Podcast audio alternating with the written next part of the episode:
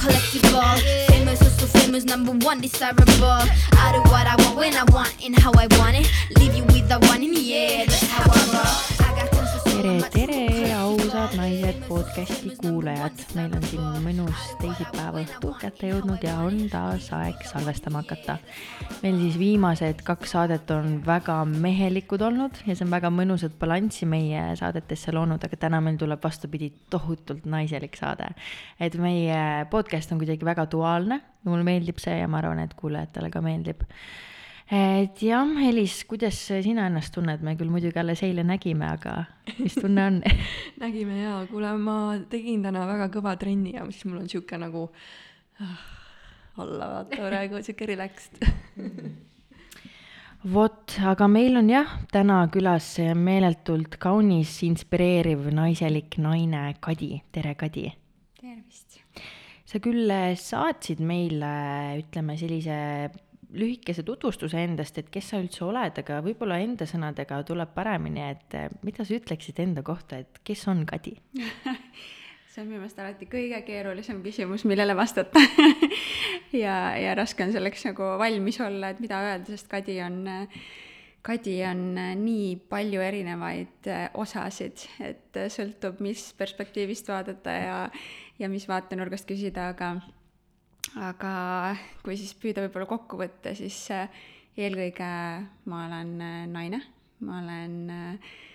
tütar, ma olen elukaaslane, ma olen põhimõtteliselt juba ema rollis kohe-kohe siis laps siia, siiapoole saabumas, õde sõbra rollis, nii et neid rolle on hästi-hästi palju. ja ma arvan, et võib-olla üldiselt öeldes ma olen selline ma ei taha ennast piiritleda, et, et, et ma olen nüüd pärit siit või sealt, et ma tunnen täna, et ma olen pigem selline avatud maailmavaatega maailmakodanik. jah, meile ju Pamela rääkis ka väga ilusti nendest raamidest ja piiridest, et kuhu me ennast nagu sisse surume, et me ei pea ainult ühe kastikese sees olema vot, väga ilusti öeldud, aga ma ikkagi loen need paar lauset ka ette, siis külalised saavad natuke aimu ja siis lähme edasi mm. -hmm. et Kadi on siis rahvusvahelise haridus- ja tehnoloogiaettevõtte Mindval Community and Events osakonna juht, ma olen ise väga suur fänn, kohe jõuame sinna. ja lisaks kodumaise kogemusürituste sarja Kohin kaaslooja. Kadi armastab maailma avastada, olla elu osas uudishimulik ning elukestvalt areneda muusika, kvaliteetaeg, lähedastega, jooga, loodus, taliujumine, fotograafia, need on mõned märksõnad, mis panevad tema hinge helisema. on mul õigus? nii on väga hästi, aga jaga siis võib-olla natuke jah, sa ütlesid, et sa ei taha ennast nagu piiritleda, aga et kust sa nagu pärit oled ja milline su selline lapsepõlve kodukeskkond oli? jaa, hea meelega pärit siis äh, Tartust ja tegelikult äh, kuni oma, ma ütleks, täiskasvanu eani äh, hästi Tartu keskset elu elanud, nii et äh, Tartu on hästi südamelähedane. siin on ka üks tartlane tervitused kodulinnale ja,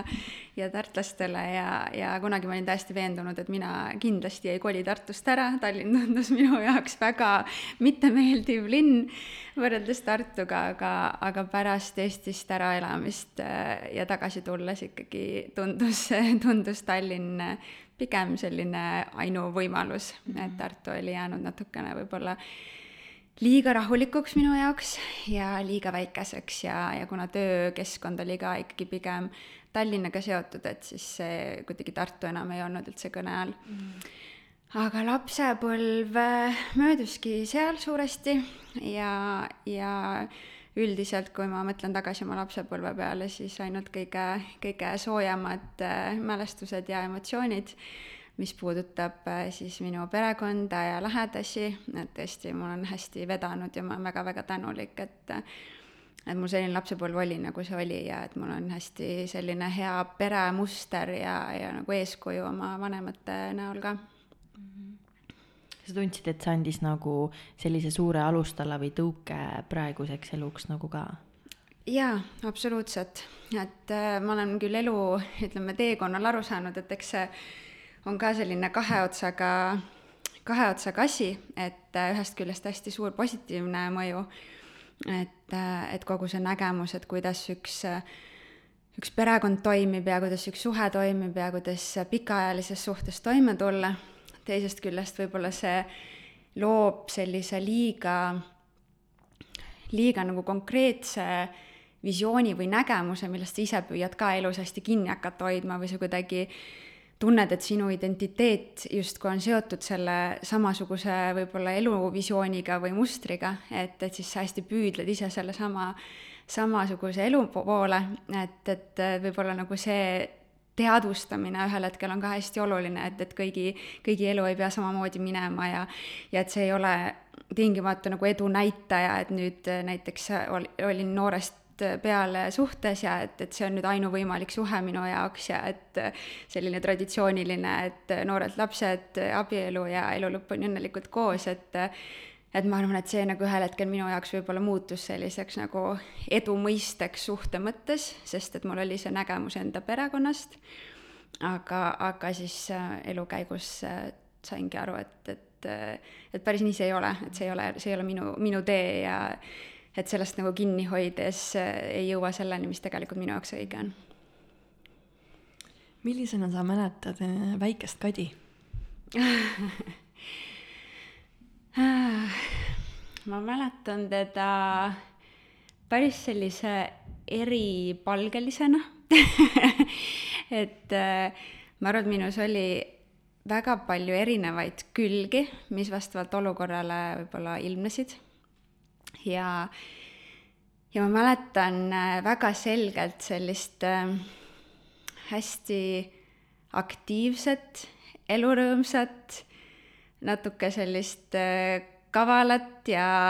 väga tead-, teadlikult enda soovidele nagu soove, soove saavutada püüdvat siis last, et et ma arvan, et see ka on selline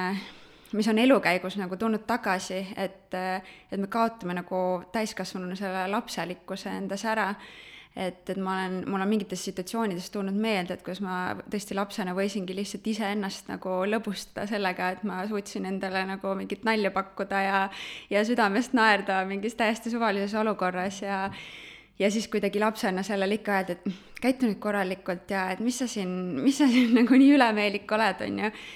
kust tulevadki jälle siis võib-olla sellised, et me hakkame endale mingeid piire seadma ja mõtleme, et kas on kohane käituda sellises situatsioonis selliselt või, või teistmoodi. Aga, aga see nagu taasavastamine, selle lapselikkuse ülesleidmine endast täiskasvanuna, ma arvan, üks hästi oluline asi. aga, aga jah, ma olin kindlasti selline, selline elurõõmus ja väga põikpäine, ma arvan ja kuna mul on alla kahe aasta vanem õde, kes on äh, kindlasti minu elus hästi suurt rolli mänginud ja alati, alati mulle suureks eeskujuks olnud, et eks siis äh, see väike Kadi kindlasti püüdis väga palju ka tema moodi olla ja järgida ja vaadata, et mis tema teeb ja kuidagi tema eeskujust lähtuvalt siis äh, toimetada. et ma arvan, et mõnes mõttes see väike Kadi võib-olla, tal oli nagu raske äh, aru saada, et kes ta ise tegelikult on, sest et ma lihtsalt kuidagi pimesi püüdsin siis olla nii nagu minu vanem õde ja teha samasid asju ja, ja käia muudkui tal igal pool järel, kus tema käis ja, ja toimetada samamoodi, et et võib-olla jah, see nagu selge piir oli, oli kadunud. ja, ja ma olin küll selline hästi nagu sihikindel, aga samas ma arvan, et ma pidin mõnes mõttes olema ka kohanduv ja järeleandlik, sellepärast et eks äh, vanemad äh, õed või vennad ikka teavad, kuidas äh, väiksemate osas saada seda, mida nemad soovivad. et siis ma ikka mäletan ka, et kuidas meie nagu mängud ja mängimised olid ikkagi pigem nagu õe tingimustel, et, et minu jaoks oli lihtsalt, et peaasi, et ma siis saaksin mängida õega, et siis oled ikka valmis tegema, mis, mis, mis teine soovib, aga, aga, aga jah, üldiselt äh, tõesti, ma olen nagu õega ka olnud hästi paljud on öelnud, kuidas te üldse nagu nii lähedased olete või? Et meil on pigem olnud selline nagu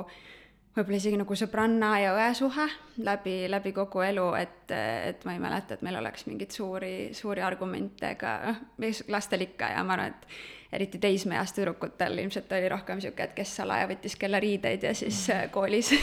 koolis juhtud koridori peal kokku ja ja siis tulevad need kurjad pilgud, et miks sa hommikul minu riide oled kapist võtnud, aga aga suures pildis oli selline väga, väga tore kooskasvamine meil. Väga armas lugu. sa mainisid seda, et lapsepõlves öeldakse seda, et käitu nüüd ikka korralikult, et tegelikult seda on ju täiskasvanuna ka vaata, et kui palju me enda ümber kuuleme seda, et miks sa nii teed ja ära ikka tee ja tõmba tagasi mm -hmm. ja et seda on tegelikult igal pool meie mm -hmm. ümber. absoluutselt ja just mulle võib-olla tundub ka, et, et rohkem on seda võib-olla naissugupoole mm -hmm. suunas, et selline äh, et palju räägitakse ka sellest nagu tubli tüdruku sündroomist, et millega tegelikult nii paljud täiskasvanueas endiselt veel tegelevad ja enda sees maadlevad, et et saavad ühes olukorras lihtsalt aru, et kellele ma püüan see tubli tüdruk nüüd siin ikka veel olla, et tegelikult see tuleb kusagilt lapsepõlvest, kus on kogu aeg öeldud, et et ole nüüd see pai, pai tüdruk ja, ja käitu viisakalt ja, ja vaata ilusti, et et seelik oleks sirge ja, ja et nii pole jah, just, just. et sellised jah kas sa mäletad ka, kellena sa väikse tüdrukuna, kelleks sa saada tahtsid? ma ei mäleta, et mul oleks olnud mingi hästi konkreetne nägemus, et, et kui palju tal on võib-olla selline nagu ametite mõttes või kusjuures olekski huvitav, peaks võib-olla oma vanematelt seda küsima, et kas ma kas ma rääkisin mingist konkreetsest ametist, et noh, tõenäoliselt ma arvan, et väikse tüdrukuna ikka seal olid võib-olla mingid klassikalised, et vahepeal tuli tunne, et tahaks olla võib-olla õpetaja või, või poemüüja või, või ma ei kujuta ette, et ikka sai ju mingit poodi mängida kogu aeg pidevalt väiksena. aga ma tean, et mul pigem oli kuidagi nägemus, et mitte ametitega seotud, aga et, et, ma tahan nagu olla kellegi moodi mm. -hmm. et kui ma saan suureks, siis ma tahan olla nagu see inimene või see inimene, et, et minu siis äh, pereringis oli üks, äh, üks perekonnatuttav, üks äh, naisterahvas, keda ma tõesti siis nii imetlesin ja vaatasin, et issand, kui ilus naine ta on ja ma, ma olin nagu nii armunud temasse. ja siis ma, mu ema ikka räägib, kuidas ma väiksena ütlesin, et et äh, minu jaoks oli siis järjestus, et, et kõige ilusam on siis äh, tädi Maire ja siis tulen mina ja siis on emme. Ja siis ma lihtsalt, et selles mõttes tore teada, et mul nagu enesekindlusega oli sellel hetkel hästi, et ma varasest peast oli sellega korras juba. Et ennast panin nagu ka sinna, aga aga, aga jah, et mul oli nagu inimeste vastu imetlus ja pigem ma rääkisin, et, et kui ma suureks saan, et siis ma tahan olla täpselt sellised nagu, nagu siis nemad on, kes minu nagu suured eeskujud olid. Ja muidugi kindlasti õe moodi absoluutselt igal viisil püüdsin ka olla. Mina tahtsin vist Britney Spears olla. Ma nii, ma vist nii kauget mastaapi vist ei osanud veel näha, et vaatasin oma lähiringi. Jaa,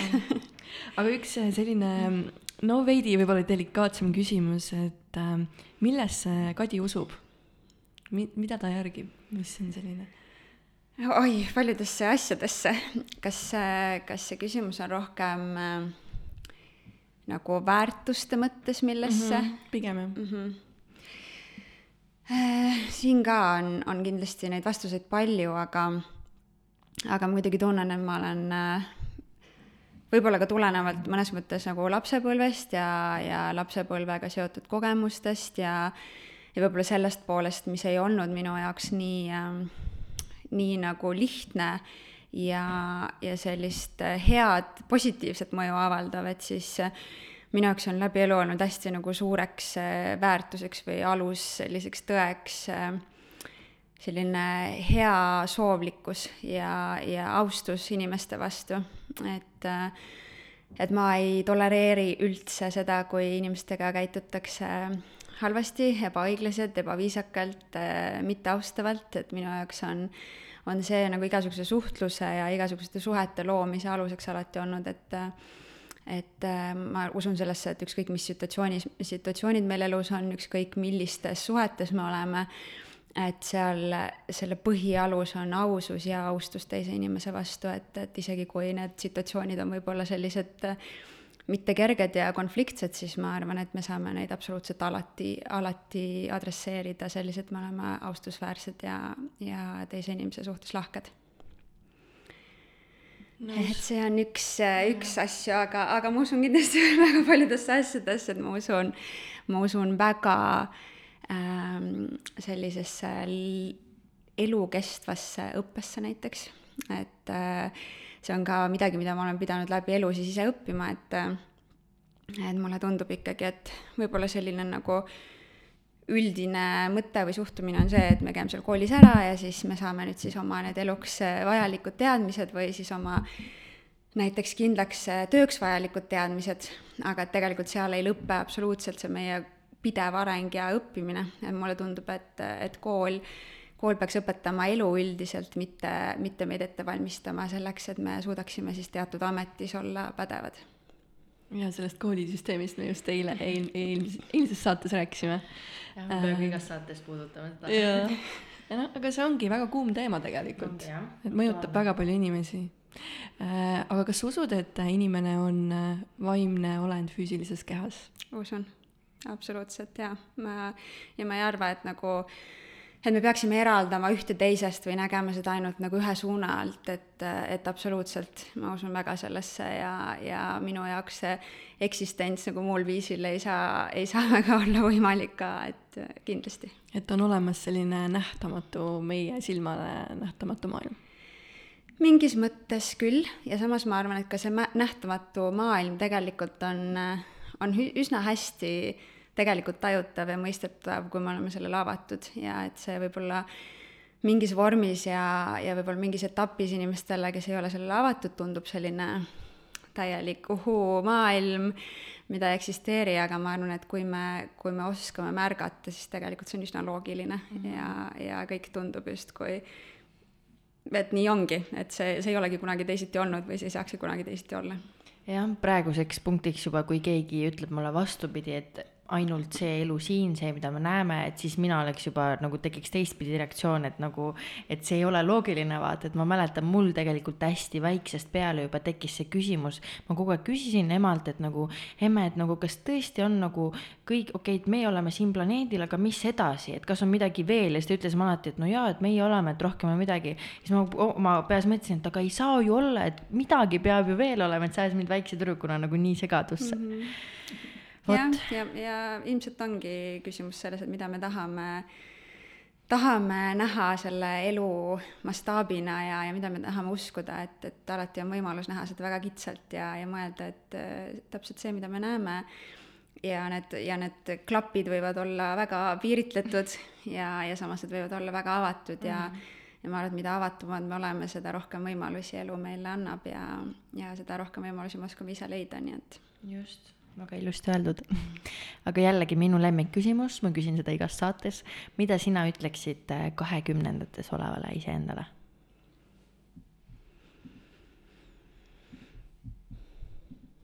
eelkõige,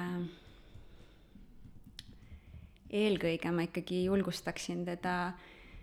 teda hästi palju küsima iseendalt, et, äh, et kes, kes see Kadi on, kes on see kahekümneaastane Kadi ja mis on tema baasväärtused, mida ta elult soovib, mis on tema eesmärgid, kus ta näeb, et tema eluvisioon on ja teda viib. ja, ja tõesti igal sammul neid küsimusi esitama endale, et mitte, mitte siis võib-olla minema sellistes harjumuspärastes mustrites või siis lähtuma sellest, mida ühiskond ütleb või eakaaslased ütlevad või vanemad ütlevad või kes iganes võib-olla eeskuju on, ütleb, vaid, vaid hästi palju ja hästi ausalt küsitlema et, et mitte lihtsalt võtma, et, et nii on elu ja, ja justkui uskuma, et, et nii peabki olema. ja aru saama, et kas see, see võib niimoodi ka olla, et, et need nagu eeldused, mis võib-olla ühiskond meile paneb või mis me arvame, et on pannud, et, et võib-olla see ongi meie tee, aga, aga mina nagu enda elu suurtest õppetundidest ikkagi väga olen õppinud seda, et, et ma seal kahekümnendate alguses veel ei küsinud üldse neid küsimusi ja see viis mind äh, rajale, kus ma kindlasti ei tundnud, et see on, on minu rada. jah, siit võib-olla lähekski edasi järgmise teema juurde, et võib-olla jah, räägigi siis natuke enda töökogemustest, et mis sul see olnud on ja kuhu sa tänaseks äh, jõudnud oled? ja üks päev äh, just õega rääkisime, meenutasime, et, et kust need esimesed nii-öelda töökogemused üldse alguse said ja, ja siis endalgi oli ununenud, et tegelikult äh, me käisime päris äh, pisikesena, kui vanemad käisid äh, näiteks turu peal müümas, siis oli väga popp selline Anne, Anne turg oli, ma mäletan, Tartus Annelinnas. ja, ja eks me käisime ju lastena seal kaasas nädalavahetuseti ja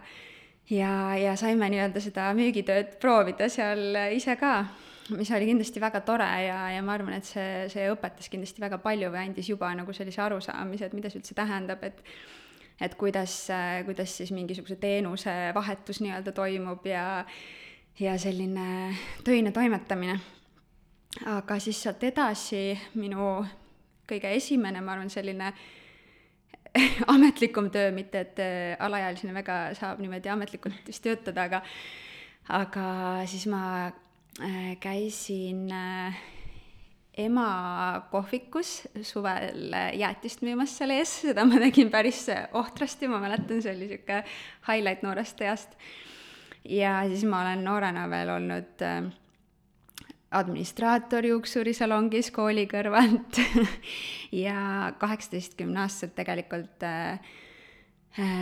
asutasime me õega oma esimese ettevõtte, mis praegu ma mõtlen tagantjärgi, et me üldse kuidagi vist ei osanud nagu mõelda, et kas seal üldse võib olla mingisuguseid riske või kuidagi nagu nii julgelt toimetasime ja ja selles mõttes, et ma olen hästi võib-olla tänulik ka, et et mul nagu ema poolt on tulnud selline hästi see nagu ettevõtlikkuse julgus, ma arvan, et et ma olen seda tema pealt näinud ja, ja võib-olla see tema nagu innustus ja julgustus sellel hetkel ka ei pannud isegi mõtlema, et aga miks mitte või et, et miks ei, ei peaks, et, et miks ma siis ei võiks seda teha, et kuigi mul ei olnud ju mingeid nagu oskusi ega teadmisi sellel hetkel, et kuidas üldse ettevõtet asutada või juhtida või nii edasi, aga see käiski kõik protsessis õppimise kaudu, et et siis me tegimegi ülikooli kõrvalt, toimetasime oma selle väikse ettevõtmisega ja kuna ma siis õppisin, ma läksin algselt õppima Tartu Ülikooli sotsioloogiat ja, ja esimesel aastal sai võtta sellised sissejuhatavad ained, olidki kohustuslikud, mille seas olid siis nagu õigusteaduse sissejuhatavad ained ka, mis mind väga kõnetasid. ja selle tulemusena ma otsustasin siis hakata tegelikult õppima kõrvalt ka õigusteadust ja see tähendas siis seda ka, et minu nagu tööalased edasised tegutsemised tegelikult äh, olid õigusalased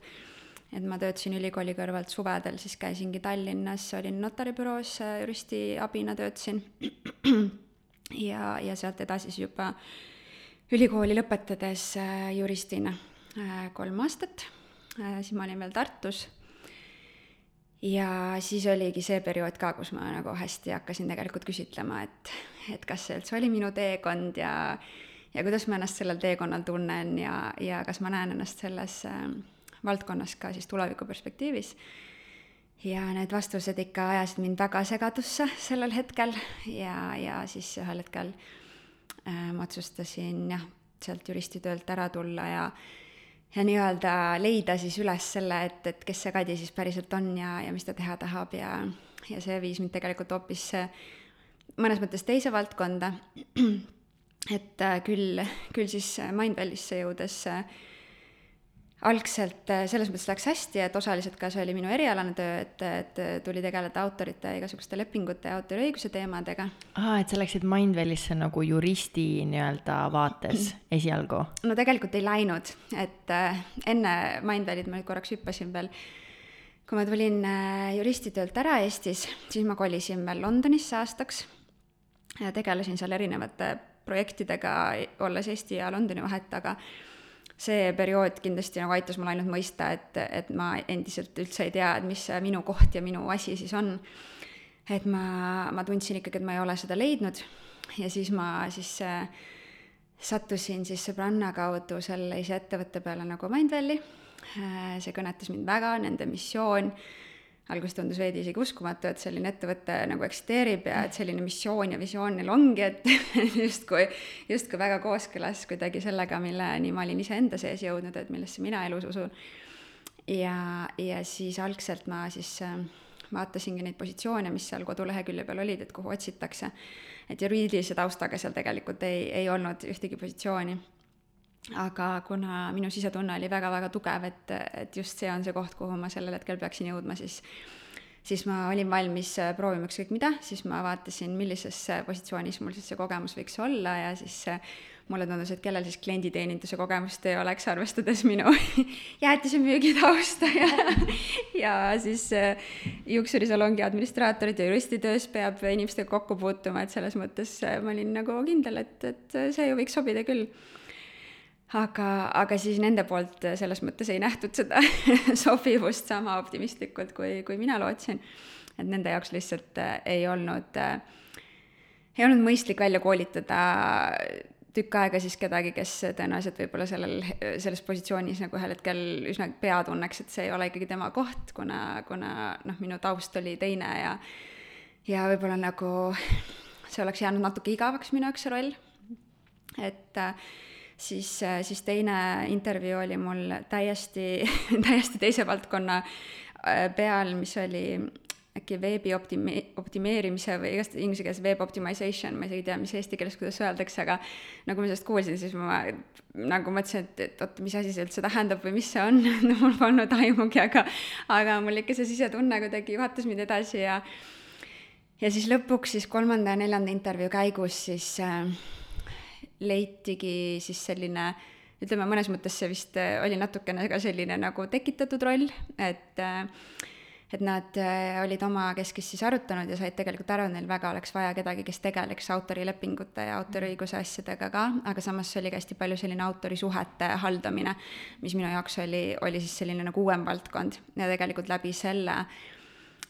mina sain ka mõista seda, et minu jaoks endiselt see minu enda eriala ja valdkond võib ka olla väga paeluv, aga see lihtsalt pidigi olema äh, teisel suunal ja see pidi olema siis kombineeritud millegagi loomingulisemaga, et et see võib-olla see varasem juristitöö oli minu jaoks lihtsalt liiga üksluine ja, ja selline pigem nagu negatiivse alatooniga ja negatiivse nagu niisuguse nagu raske energiaga seotud mm, -hmm. mis lihtsalt äh, minuga isiksusena, et see, mul tekkis enda sees konflikt, et see ei ole see, et kui ma lähen töölt ära, siis mul ei olnud hea tunne mm. -hmm aga kui sa seda juristi otsustasid õppima minna, et mis ajendil sa otsustasid seda õppima minna, et kas see oli nagu mingi surve või enda nagu huvi kindel või? see huvi jah, tekkis siis, kui ma, kui ma võtsin neid sissejuhatavaid aineid tegelikult äh, ülikoolis, sest ma mäletan, et äh, ma ei olnud kindlasti see inimene, kes pärast keskkooli teadis täpselt, et vot ma tahan õppida seda eriala, et minust saab arst või minust saab jurist või ma pigem äh, mäletan, et ma lugesin neid erialade kirjeldusi ülikooli lehel ja vaatasin, et mis see siis oleks, mis mind üldse kõnetada võiks või, või mis mind huvitaks. Ja see valik sotsioloogia kasuks oli ka üsna selline üsna selline suvaline, et ma lihtsalt vaatasin, hm, kõlab, kõlab põnevalt, et miks siis mitte. ja siis esimesel aastal, kui need sissejuhatavad ained olid õigusteadusesse, siis lihtsalt mind kõnetas see maailm ja, ja selles mõttes ma täna ka arvangi, et see oli ikkagi väga hea otsus minna seda õppima ja ma arvan, et see andis mulle nagu väga-väga hea põhja ja väga palju tugevusi ja, ja ma arvan, et õigusteadus on absoluutselt selline, selline siis valdkond, mida iga inimene, selles mõttes, et see ei ole kunagi see, et see tuleb sulle kahjuks, kui sa sellest tead ja, ja ma arvan, et see nagu ükskõik mis valdkonnas sa edasi tegutsed, siis see võimaldab sul ikkagi väga palju erinevaid asju teha, sest sul on selline üldine tugev, tugev põhi, põhi ja arusaamine aga sealt autoriõiguste töölt siis mingil hetkel said pakkumise, et äh, saaksid minna community events'i osakonda? ja see teekond äh, oli siis nii, et tegelikult kui ma algselt üldse Mindvalley'ga liitusin, siis ma äh, enda jaoks olin otsustanud, et, et see on selline maksimaalselt ühe aasta pikkune teekond, et ma lihtsalt olin alati tundnud, et ma tahaksin seda välismaal elamise, elamise, töötamise kogemust saada ja äh, ja kuna ikkagi ma olen selline pigem selline võib-olla perekeskne ja, ja võib-olla niisugune patrioot siis ma ei näinud ennast, et ma oleksin nagu väga pikalt Eestist ära, et ma olin juba aasta olnud siis Londonis ja ja, ja siis mulle tunduski, et, et ikkagi võib-olla aasta olla seal, ma pean vist ütlema ka, et see peakontor on siis Kuala Lumpuris, Malaisias, nii et see tähendas, et mm. et ma kolisin sinna ma ei olnud seal kunagi varem oma elus käinud, nii et, et eks see otsus oli selline päris, päris hirmutav äh, ja teadmatusse hüppamine. aga selles olukorras minu jaoks tundus see ainuvõimalik valik, et, et lõpuks võib-olla teha päriselt nii, nagu minu süda ütles, et, et on õige teha. ja siis ma kolisin Malaisiasse ja see esimene aasta möödus tõesti märkamatult kiiresti ja siis see oli jällegi selline koht, kus võib-olla nagu see minu vana mina nii-öelda mõtles hästi palju sellele, et et kus ma olin ikkagi oma perele öelnud, et, et ma tulen sellel ajal umbes tagasi ja et ma ei jää ära ja, ja nii edasi ja nii edasi ja kõik, et kuidagi, et et need nagu võib-olla tunne, et, et kas ma veaksin kedagi alt sellega, et kui ma nüüd tegutsen teistmoodi, aga samas minu enda sisetunne ütles, et ma ei ole üldse valmis veel äh, lahkuma sealt ja, ja seda teekonda pooleli jätma, nii et et selles mõttes oli ka minu jaoks selline suur pöördepunkt, et, et ma tõesti tegin nagu selle otsuse enda, enda järgi ja enda südametundest ja jättes kõrvale kõik muud muud mõjutused ja lihtsalt usaldades, et tegelikult päeva lõpuks, et, et kui mina tegutsen nii, nagu mul hea on ja, ja mina õnnelik olen, et siis, siis küll toetavad mind ka mu lähedased selles otsuses. Ja siis äh, möödus märkamatult veel vist poolteist aastat nii et ma olin äh, kaks pool aastat siis elanud äh, Kuala Lumpuris. ja siis selleks hetkeks ma olin siis asunud ka juhtima siis seda publishing tiimi, kes kõikide meie autoritega tegeleb. Ja, ja siis ma küll mõtlesin, et, et kui ma nüüd nagu oluliselt pikemaks sinna jään, et siis ilmselt seda raskem on siis tagasi minna ja alustada jälle, jälle otsast nii-öelda ja siis ma siis tõstatasin selle teema ka ettevõtte juhiga, et ma ikkagi ühel hetkel planeerin tagasi minna ja, ja ega ma ei eeldanud, et see kuidagi tähendab seda, et et see töösuhe jätkub või, või et ma lihtsalt nagu tahtsingi teada anda, et ega ma väga pikalt ennast seal enam ei näe. Aga siis sellest vestlusest tekkis, tekkis jah hoopis selline vestlus, et et aga, et, et avame siis Eestis väikese kontori ja, ja kuna selles mõttes, et Mindvali omanik ise on nagu Eestiga tugevalt seotud ka, et tema, tema enda lapsed on äh, eestlased äh, ja ja, ja nad on palju siin nagu viibinud ka äh, varasemalt, et siis see kuidagi tema jaoks võib-olla oli nagu üsna loogiline, aga, aga eks mina nagu vist ei oodanud kohe sellist nagu pakkumist ja võimalust aga see muidugi tähendas seda, et mul oleks olnud natuke keeruline jääda, jääda siis juhtima seda tiimi, kes kõik olid siis Kuala Lumpuris ja Malaisias. ja siis sealt äh, oligi siis mõte, et arutasime, et aga et mis, mis siis veel Mindvali siseselt äh,, siseselt ma võiksin teha ja ja ma, kui ma varasemalt olin mõelnud, et kas Mindvalis oleks midagi, mis mind kõnetaks ja, ja midagi nagu teist, teises valdkonnas proovida, siis tegelikult see oli, oli küll üritustega seotud, et see, kuna ma olin siis seoses meie autoritega käinud ka meie üritustel, et nendega seal siis neid autorisuhteid nii-öelda hoida ja, ja arendada. et siis ma olin seda ürituste poolt näinud ja mulle tundus see nagu hästi põnev maailm. ja siis äh, siis ettevõtte juht siis pakkus ka selle välja, et aga et kas sa mõtleksid selle ürituste tiimiga liitumist, kuna siis üks tiimiliige meil oligi juba Eestis, et ta oli, ta lihtsalt tegi tööd kodust, sest tal oli väike beebi sellel ajal et, et siis äh, oleks ka nagu loogiline, me saame siit koostööd teha.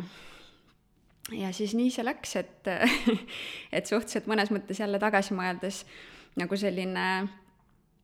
võib-olla jällegi uuesti nagu nullist alustamine, sest ega mul ei olnud tõesti mingit, mitte mingisugust kogemust ürituste korraldamisel sellel hetkel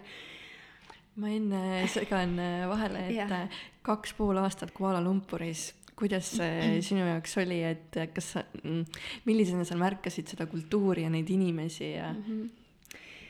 tagantjärele mul on natuke kahju, et ma ei, võib-olla ei avastanud nagu seda kohalikku elu ja kultuuri rohkem, et ma pean ütlema, et, et mõnes mõttes Mindvalley elu oli selline natuke mulli sees elamine, et esiteks äh, kõik Mindvalley inimesed võib-olla elasid seal piirkonnas, mis oligi selline ekspatidele mõeldud, ehk siis kõik on sellised rahvusvahelised inimesed tulnud sinna kokku tööd tegema.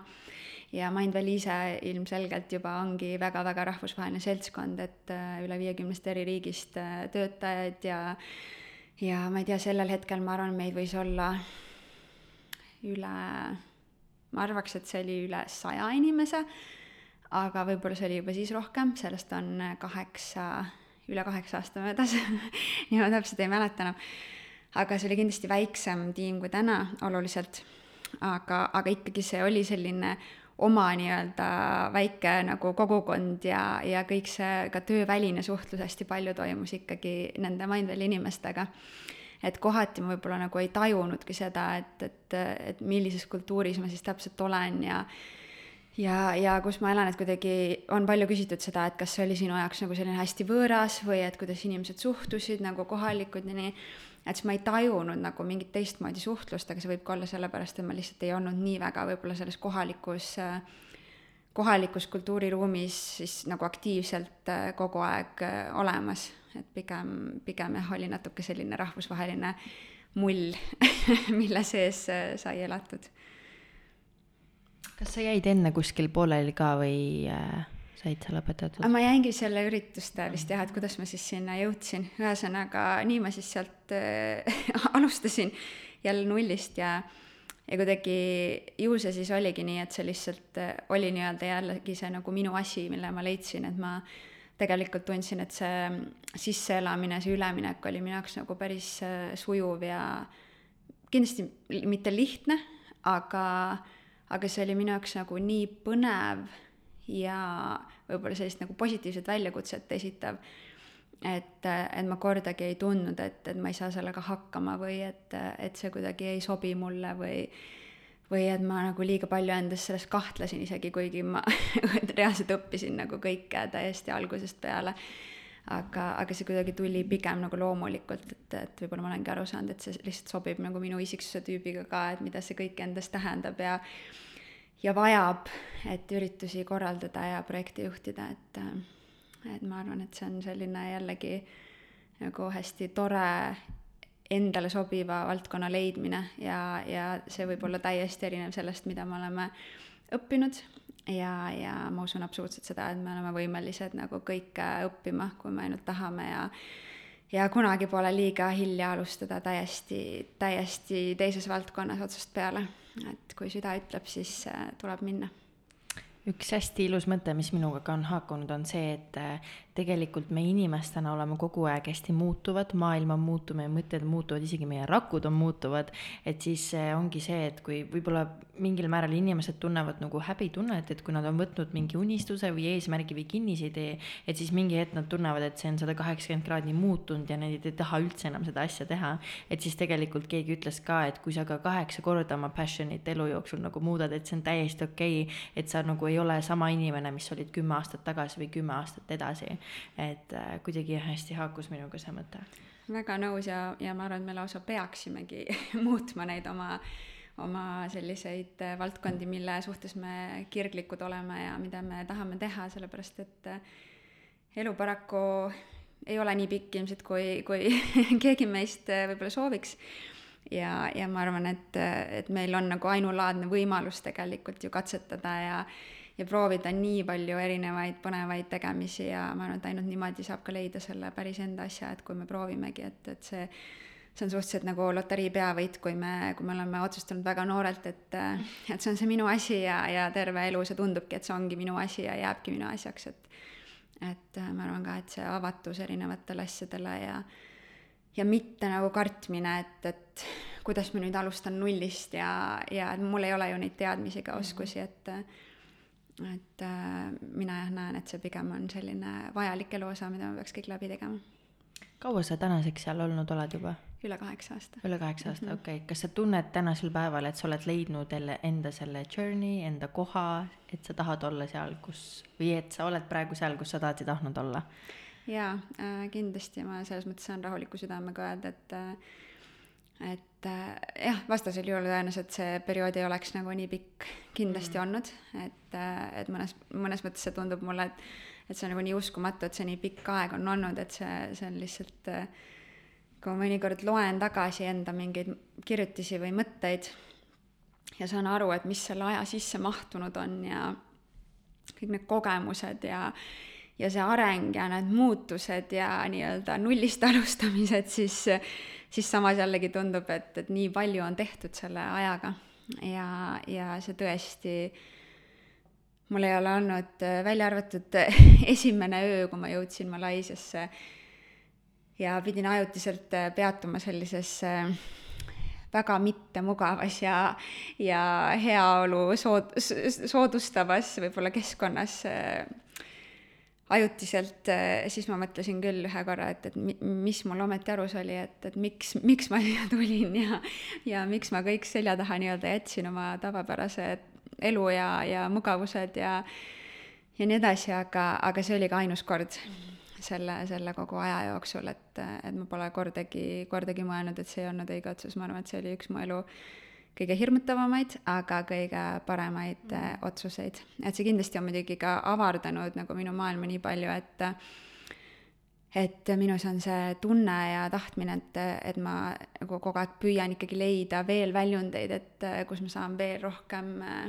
panustada ja, ja midagi suurt ära teha, nii et selles mõttes ma ka ei piiritle ennast, et ma ütlen, et nüüd ma leidsingi enda koha ja sinna ma jään, et et, et ma püüan kogu aeg samal ajal ikkagi leida veel viise, kuidas, kuidas positiivset mõju omada. aeg lendab aga räägi võib-olla meie kuulajatele ka, nad võib-olla üldse ei tea, mis see Mindvalley on, et äh, mida inimene sellest saab mm? -hmm. Mindvalley on siis äh, rahvusvaheline haridus- ja tehnoloogiaettevõte, et äh, seda on alati veidi keeruline võtta, eriti eesti keeles niimoodi väga ühtselt kokku, aga aga põhimõtteliselt siis äh, suur selline visioon ja eesmärk on ikkagi see, et me suudaksime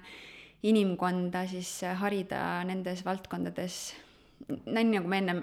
mainisin ka, et, et et kui kool võiks meile õpetada elu, siis põhimõtteliselt see on see, mida, mida Mindvalley püüdleb, et õpetada inimestele elu, ehk siis tegelikult see, mis on päriselt vajalik ka selleks, et sa saaksid oma elu täisväärtuslikult elada ja oma potentsiaali kasutada ja, ja tasakaalus elada. et, et see ei ole, see ei ole ainult teatud kindlate selliste kitsaste teadmiste omamine, vaid ja võib-olla nagu need valdkonnad, mida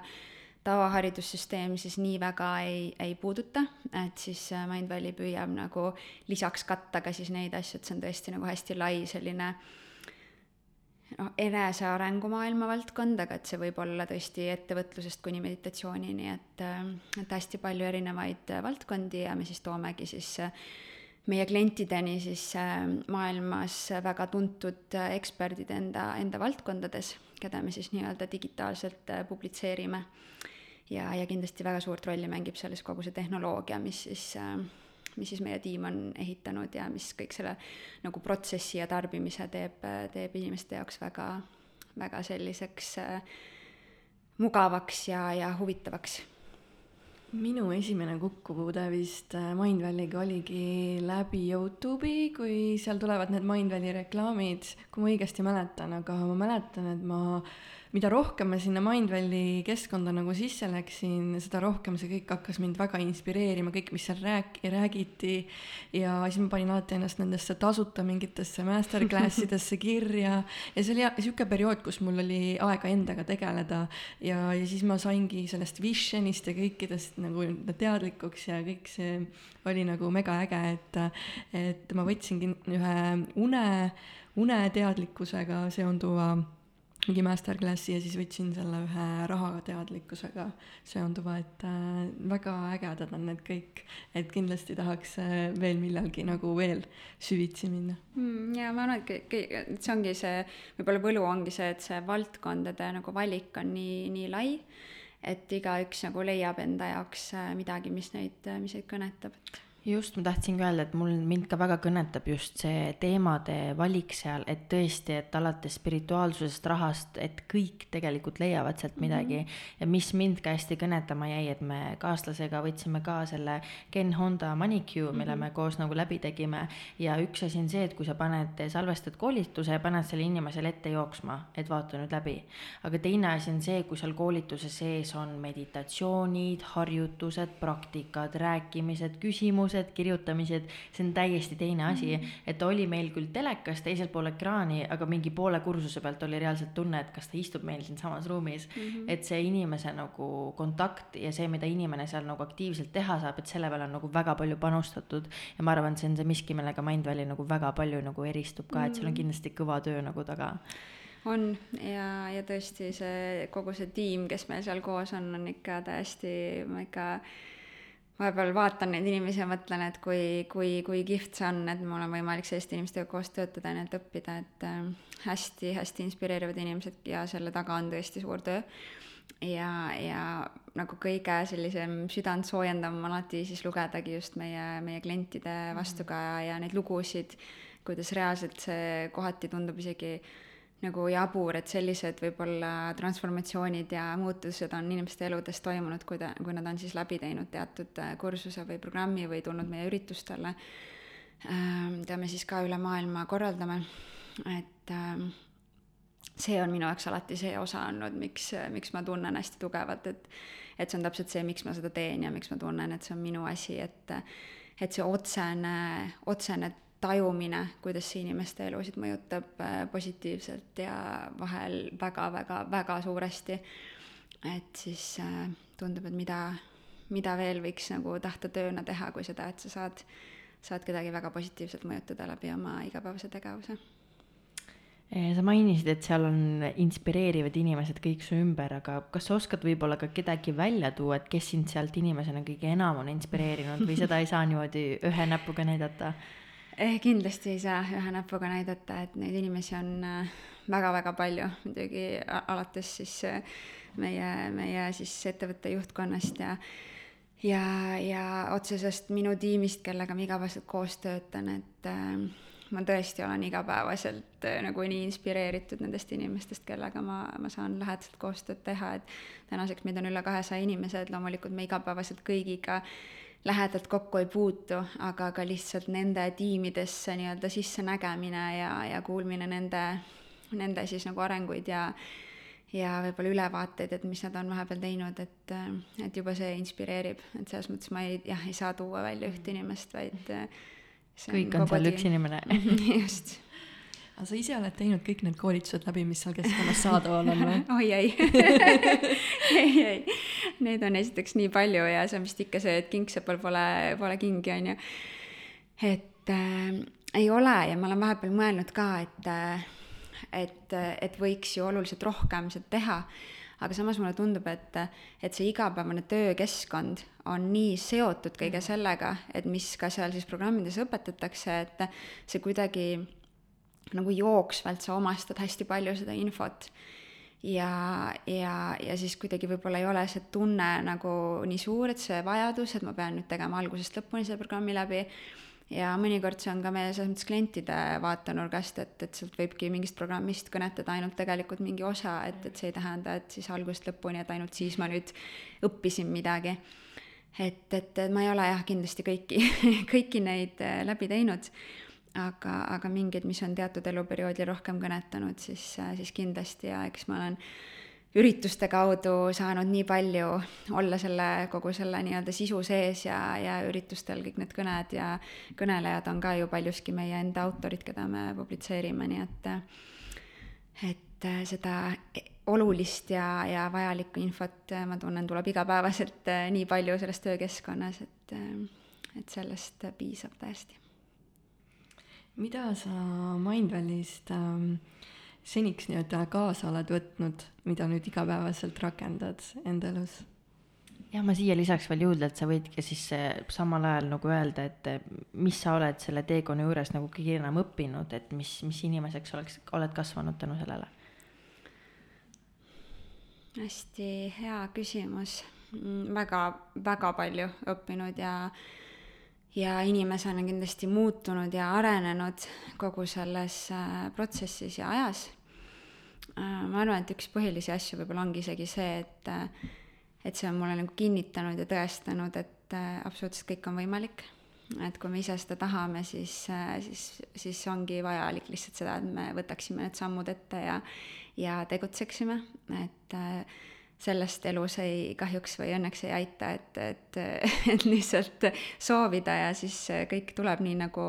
kuigi on ka neid uskujaid, kes ütlevad, et ainult soovi ja, ja kõik tuleb, aga aga ma siiski väga usun ise sellesse, et tuleb ka tegutseda. Ja ma arvan, et Mindvalley on selles mõttes hästi hea keskkond, kus on olnud see võimalus äh, tegutseda. Et kui sa vähegi ise näitad seda initsiatiivi ja näitad seda südikust ja, ja et sul on tahtmine ja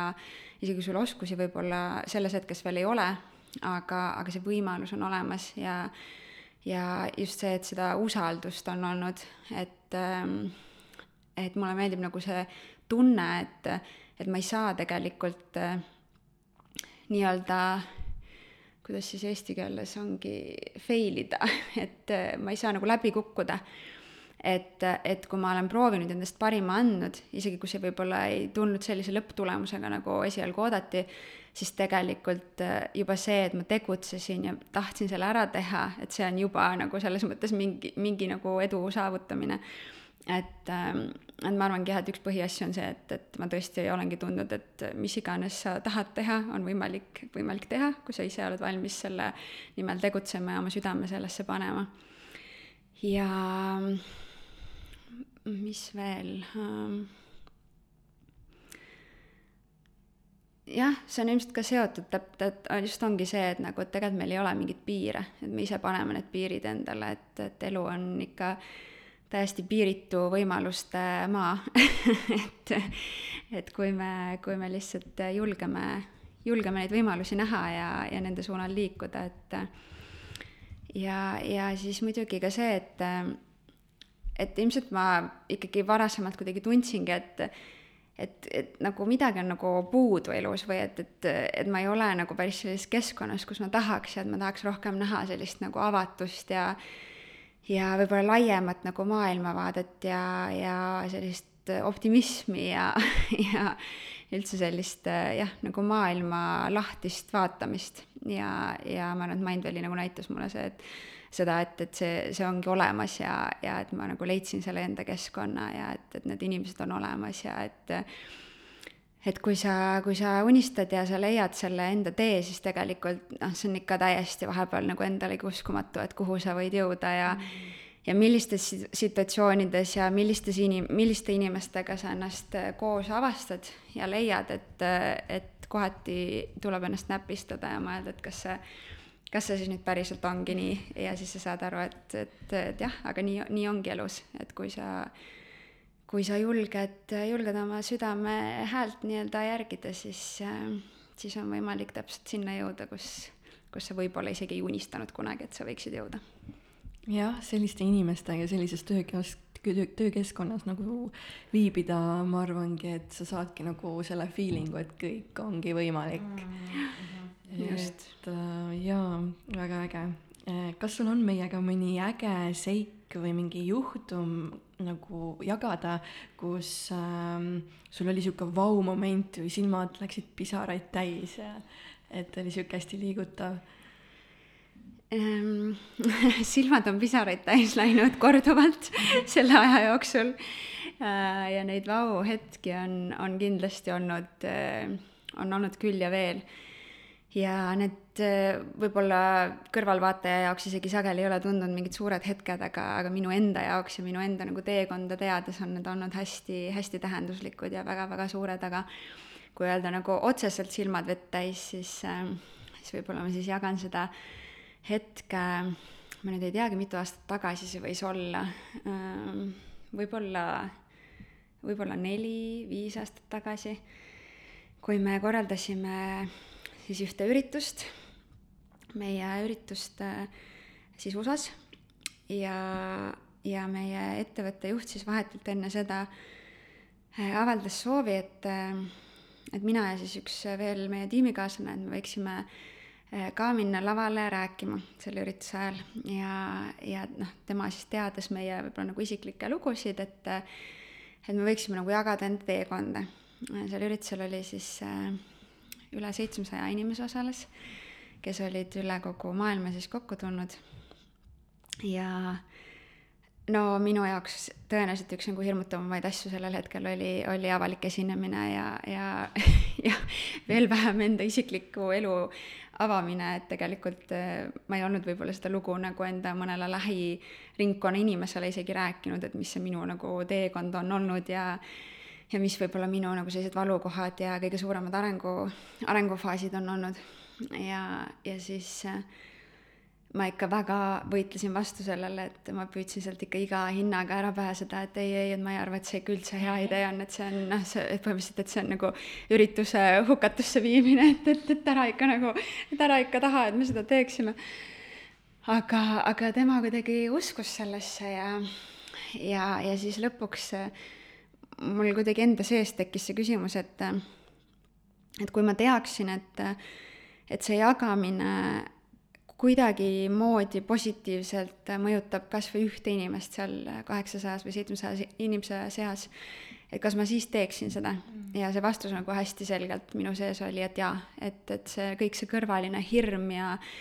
ja mis iganes seal nagu ego pinnalt põhjal või pinnale tõusis, et, et mis siis, kui ma täielikult äh, nii-öelda ebaõnnestunud, mis siis, kui mul ei tule ühtegi sõna meelde, mis ma tahan öelda ja, ja nii edasi ja nii edasi. et see jäi nagu hästi selle mõtte varju ja siis ma mingil moel siis ikkagi nõustusin seda tegema ja seal oli selline tore kokkusattumine, et äh, ma pean natuke ajas tagasi minema selleks, et seda lugu lõpetada, aga et äh, kogu selle võib-olla sellise enesearengu maailma teekonna avastamise alguses, mis siis oli, ma arvan, et kui ma olin võib-olla selline kakskümmend neli või, või midagi sellist, siis äh,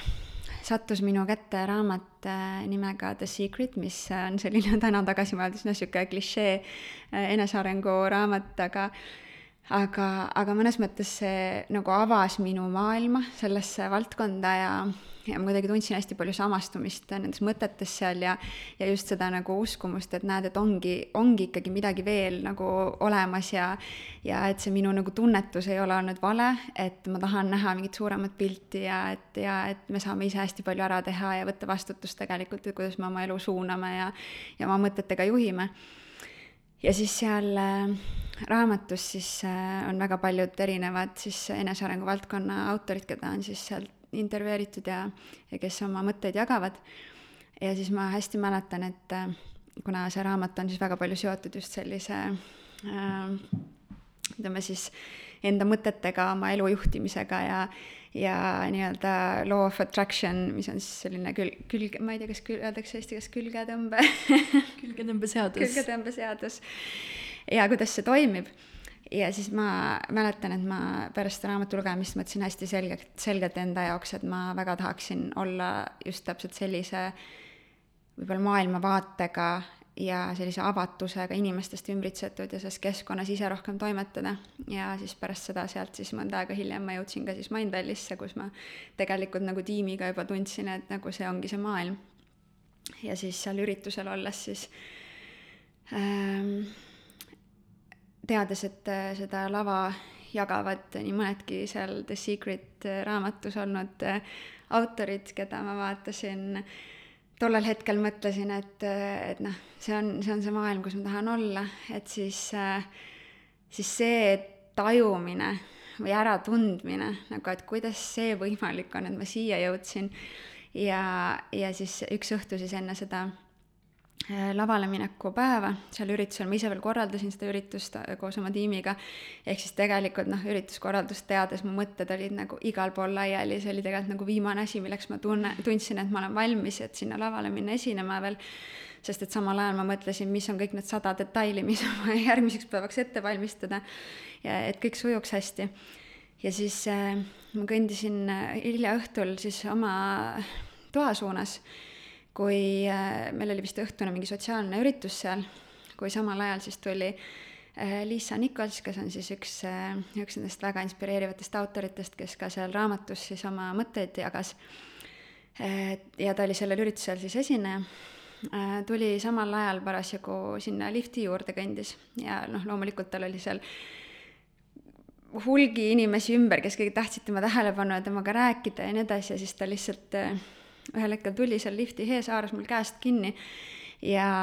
noh, me olime selles mõttes suhelnud, et ma olin tegelenud nende autoritega ja, ja nii edasi, et, et ilmselgelt meil oli kontakt, aga ta võttis mul käest kinni. me läksime lifti, tema korrus tuli siis äh, ennem kui minu korrus, kus ma pidin maha minema ja siis ta ei lase mul käest lahti ja ja kui tuleb tema nii-öelda peatus, siis ta tuleb, tõmbab mind endaga kaasa sealt liftist välja ja siis ma ütlesin, ma ei ole sellel korrusel, ma pean edasi veel sõitma ja ta absoluutselt ignoreeris seda ja muudkui kõnnib edasi käest kinni hoides ja, ja me lõpuks oleme tema toas ja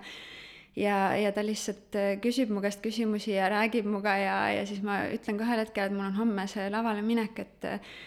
et, ma nõustusin, aga ma tunnen, et ma ei ole selleks absoluutselt valmis ja et ma olen tegelikult päris mures ja ja nii edasi. Ja noh, Liisa Nikols teada, teada-tuntult on, on väga tugev selline avaliku esinemise õpetaja ja ta on selles erakordselt mõjukas ise, kuidas tema suudab nagu publikut kõnetada ja kui karismaatiline ja kuidas ta oma sõnumit edasi annab, see on täiesti teine maailm.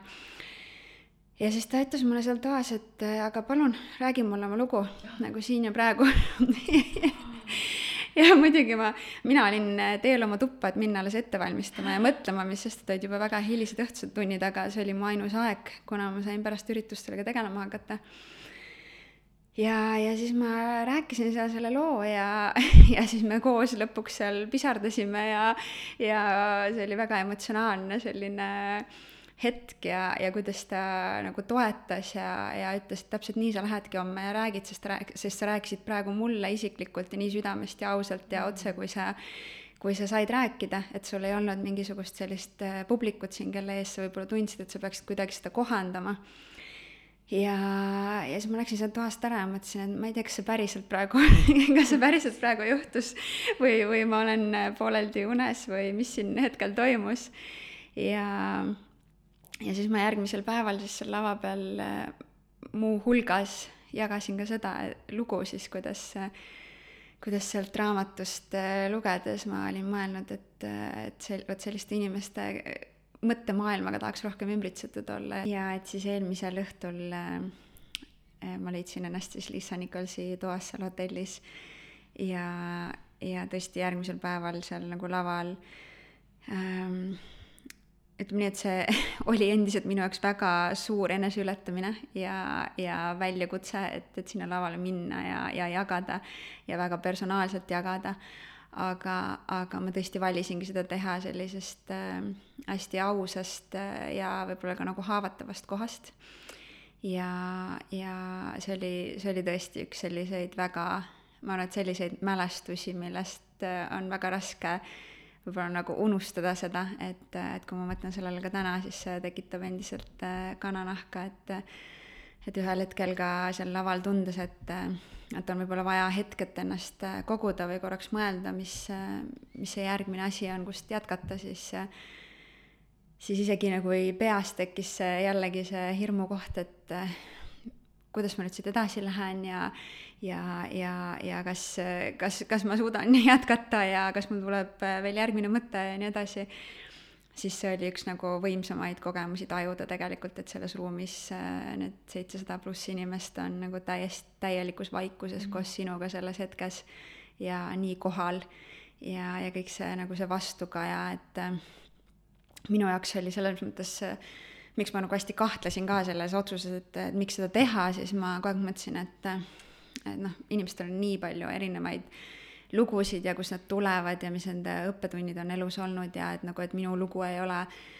mitte kuidagi väga nagu eriline või, või, või nii nagu tähelepanuväärne, et miks seda üldse nagu jagada,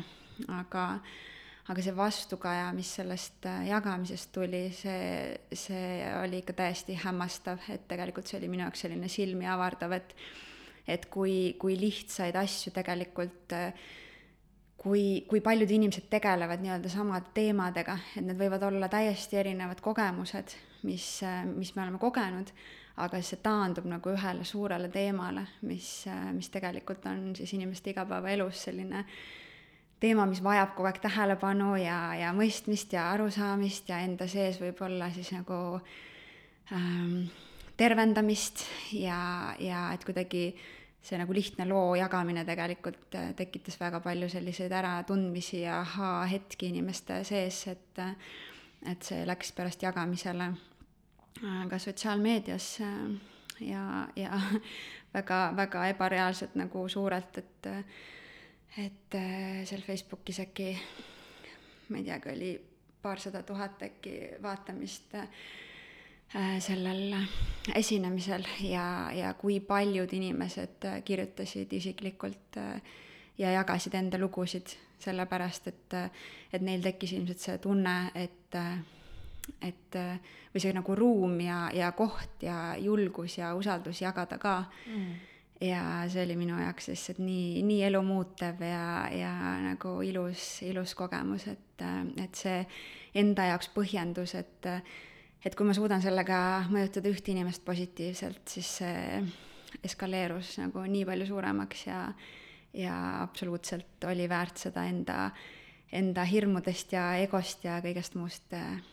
lahti laskmist ja lihtsalt ärategemist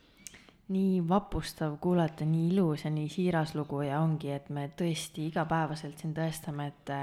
et elu on põhimõtteliselt nagu võlukunst, et ongi nii, et see, mida sa mõtled, tahad, soovid, see on kõik põhimõtteliselt käekaugusel, et ma ei ütle, et see on kerge, aga see on juba esimene märk sellest, et ei ole lihtsalt see, et füüsiline maailm, et tõesti me suudame kõike saavutada. et aitäh, et sa jagasid, et väga ilus lugu, et me kindlasti lisame selle siia alla. et ma tahtsingi küsida sult äh, siit nagu tulenevalt, et äh, mis on need sinu, ütleme, sellised äh, hirmud või ebakindlused või sellised mm, asjad, millega sina oled läbi elu pidanud nagu tegelema, et mida need on sulle nagu õpetanud ja kuidas sa nendest välja oled tulnud mm? -hmm nagu me enne rääkisime, siis ma arvan, et ma tegelikult äh, nii nagu me kõik, ma tõesti usun sellesse, et me, me sünnime kõik nagu hästi puhaste lehtedena, et äh, meil on kõigil see tunnetus ja teadmine kui me tegelikult sünnime, et me oleme täiesti nagu perfektsed ja täiuslikud täpselt nii, nagu me oleme, et me ju ei, beebidena me ei, me ei kahtle selles, et äh, kas me oleme piisavalt äh, tublid, kas me oleme piisavalt äh, head, kas me oleme piisavalt eeskujulikud, kas me oleme piisavalt ilusad, mis iganes. Et me oleme täiesti lihtsalt sada protsenti need, kes me oleme, aga siis tuleb elu ja elu hakkab meile näitama siis erinevates olukordades, kuidas võib-olla me ei ole ikkagi piisavad ja võib-olla me ei, ei, ei väärigi seda, et me saaksime siis kõike, kõige paremat elus ja nii edasi, et, et tekib hästi palju neid nagu kõhklemisi, kõhklemise hetki, mis on äh, siis äh, tingitud väga palju välistest teguritest, et äh, kahjuks ma arvan, et täna ka on ikkagi see, et väiksest peale ega meil väga palju ei ole teadlikkust sellest, et et kuidas üldse omada seda nii-öelda emotsionaalse intelligentsuse kirjakeelt, et et äh, osata siis enda tunnetega toime tulla, osata analüüsida seda, et mis on minu mõtted, mis on minu tunded, mis on kellegi teise arvamus, kuidas tulla toime sellega, et kuidas keegi väljastpoolt arvab, kuidas kommunikeerida ja, ja kõik selline äh, selle ümber käib.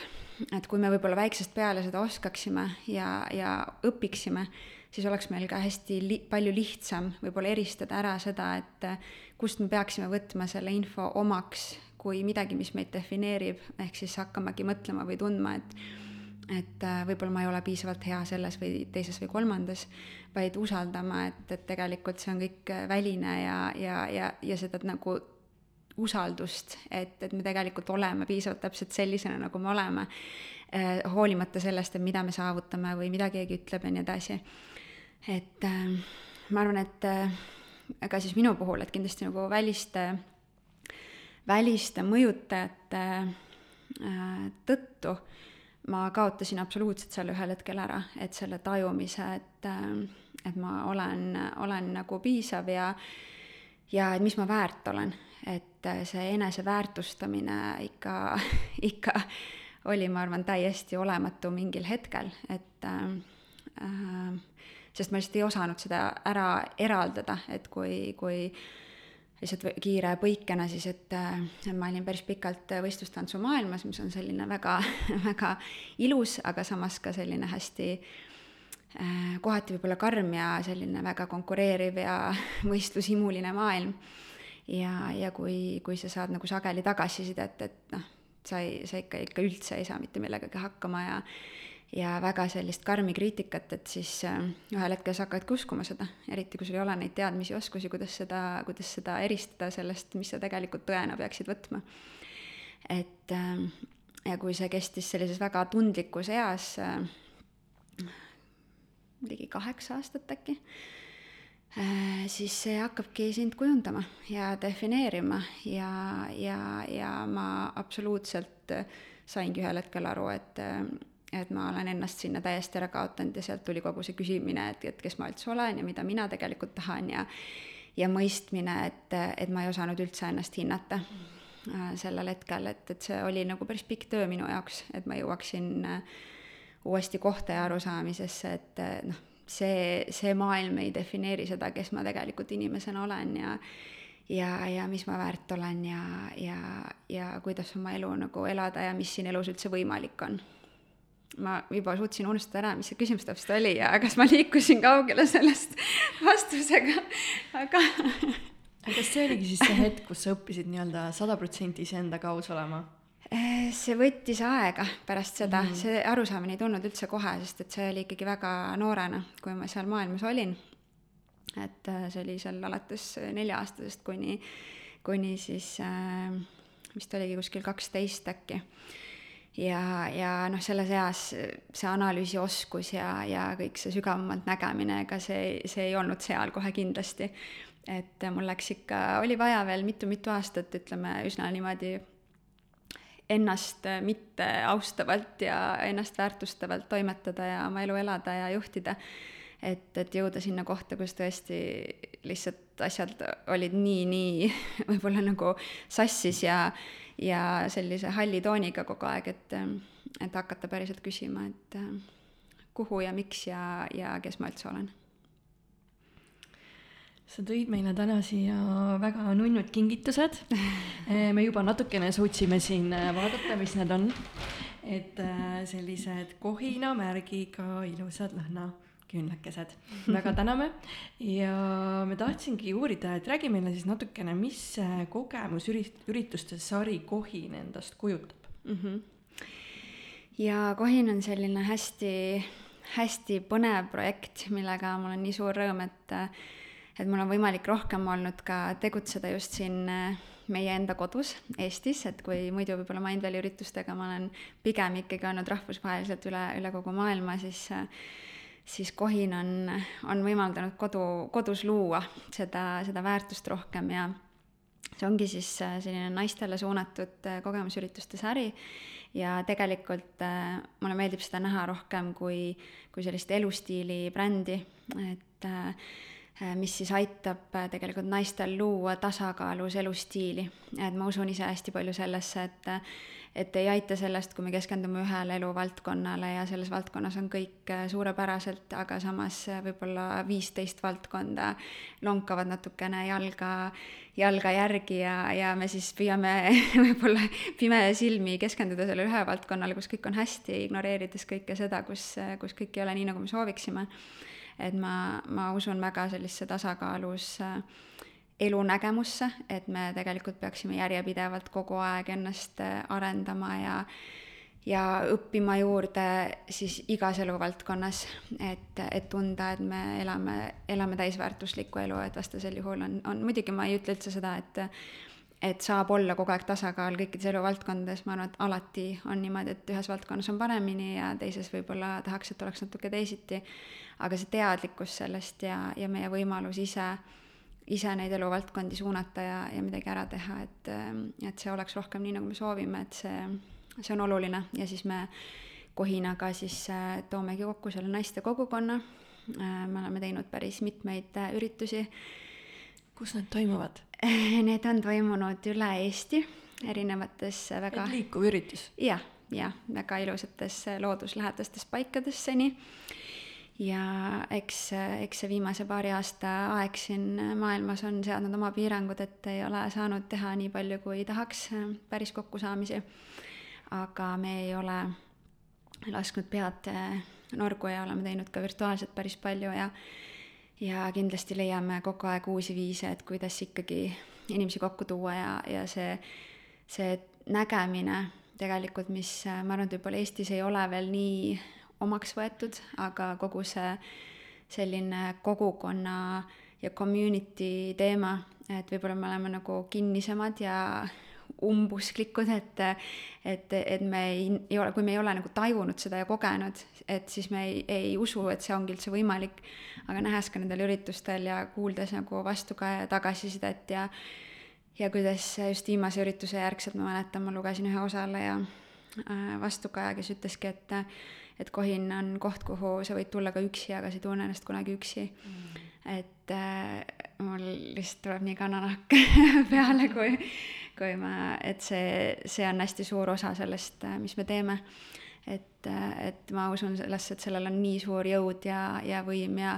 ja me võime inimesega kokku puutuda esimest korda elus ja, ja me võime nagu nii palju üksteist aidata, inspireerida ja toetada läbi selle võib-olla isegi, kui see on kümneminutiline kontakt, aga, aga see on see hetk, mis midagi muudab meie jaoks ja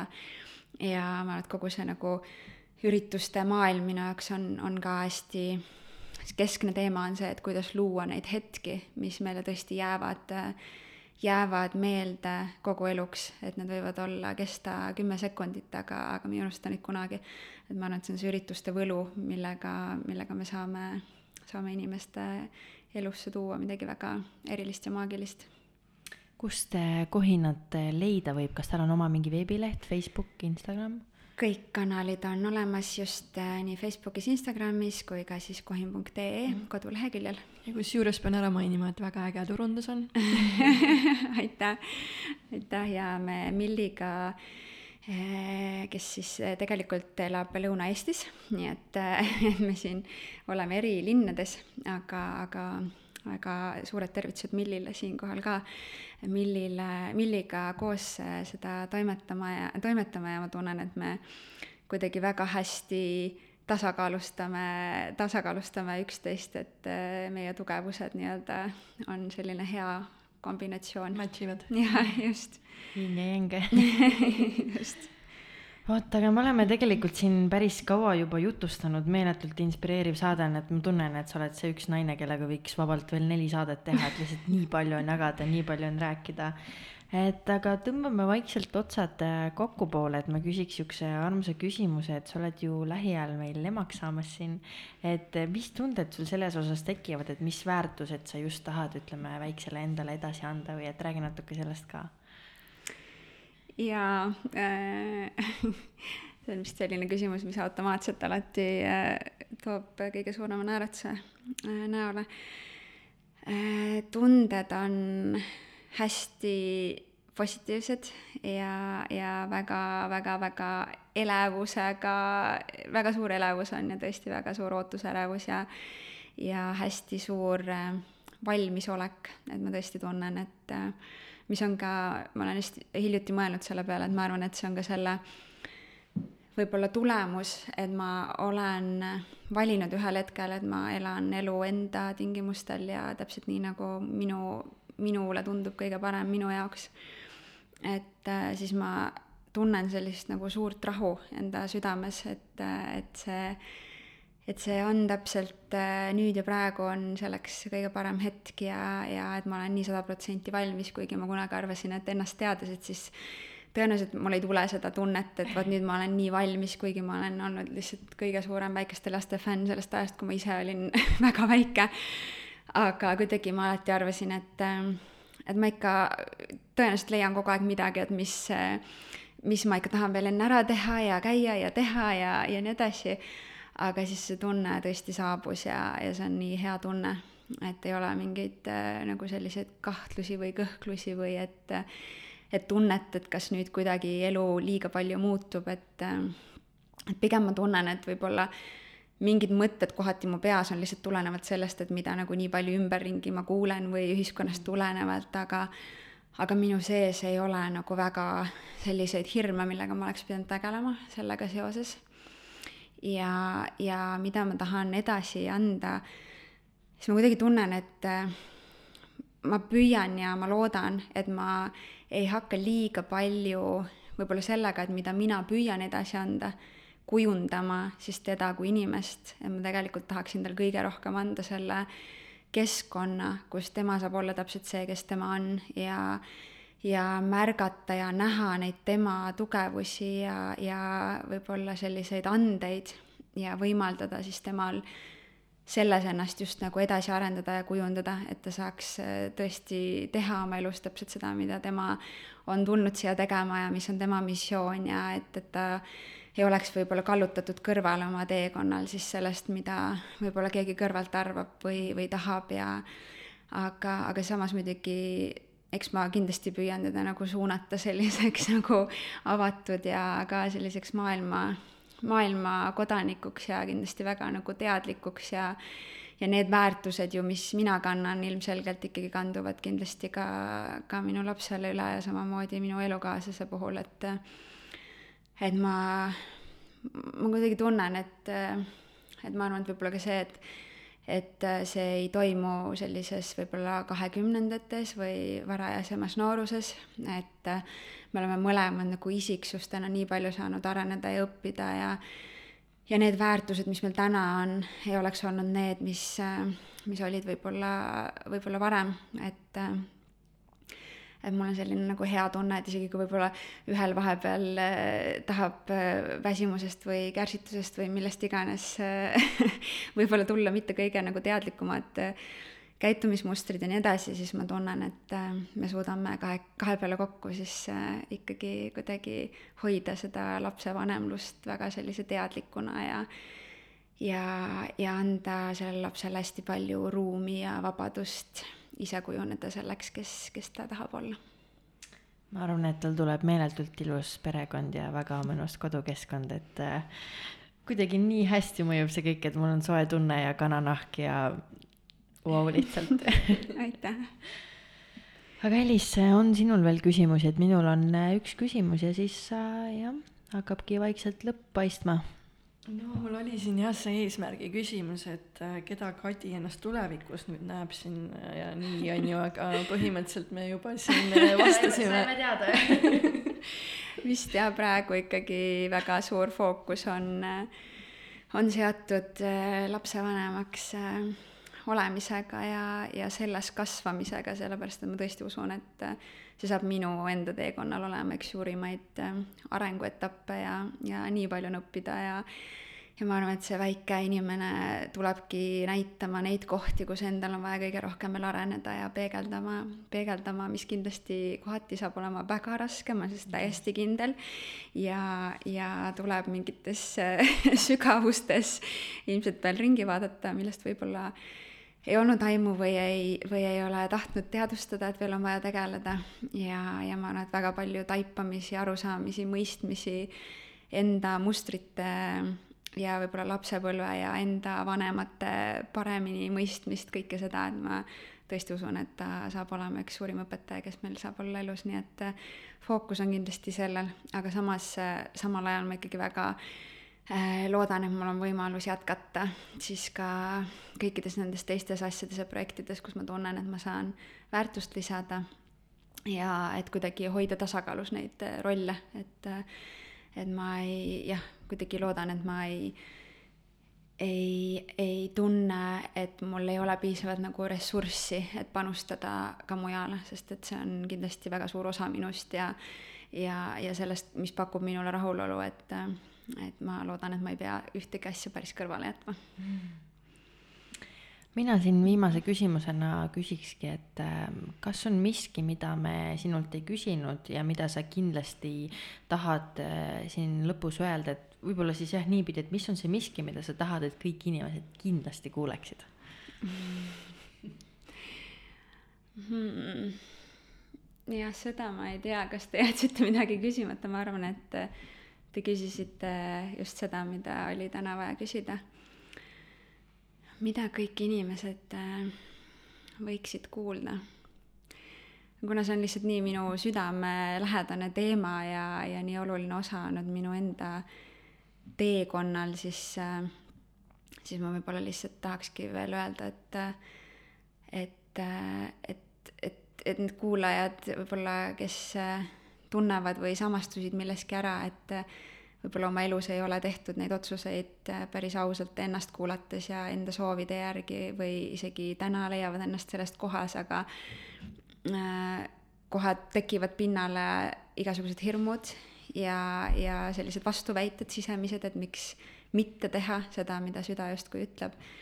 siis ma ikka väga julgustan, julgustan just täpselt seda ikkagi ausalt kuulama, et isegi kui see on väga hirmutav, siis siis ma lihtsalt arvan, et, et seda tasub teha ja, ja, ja ma arvan, et see on ainuõige viis ja ainuvõimalik viis, kuidas leida päriselt see enda, enda elu nagu rahulolupunkt, et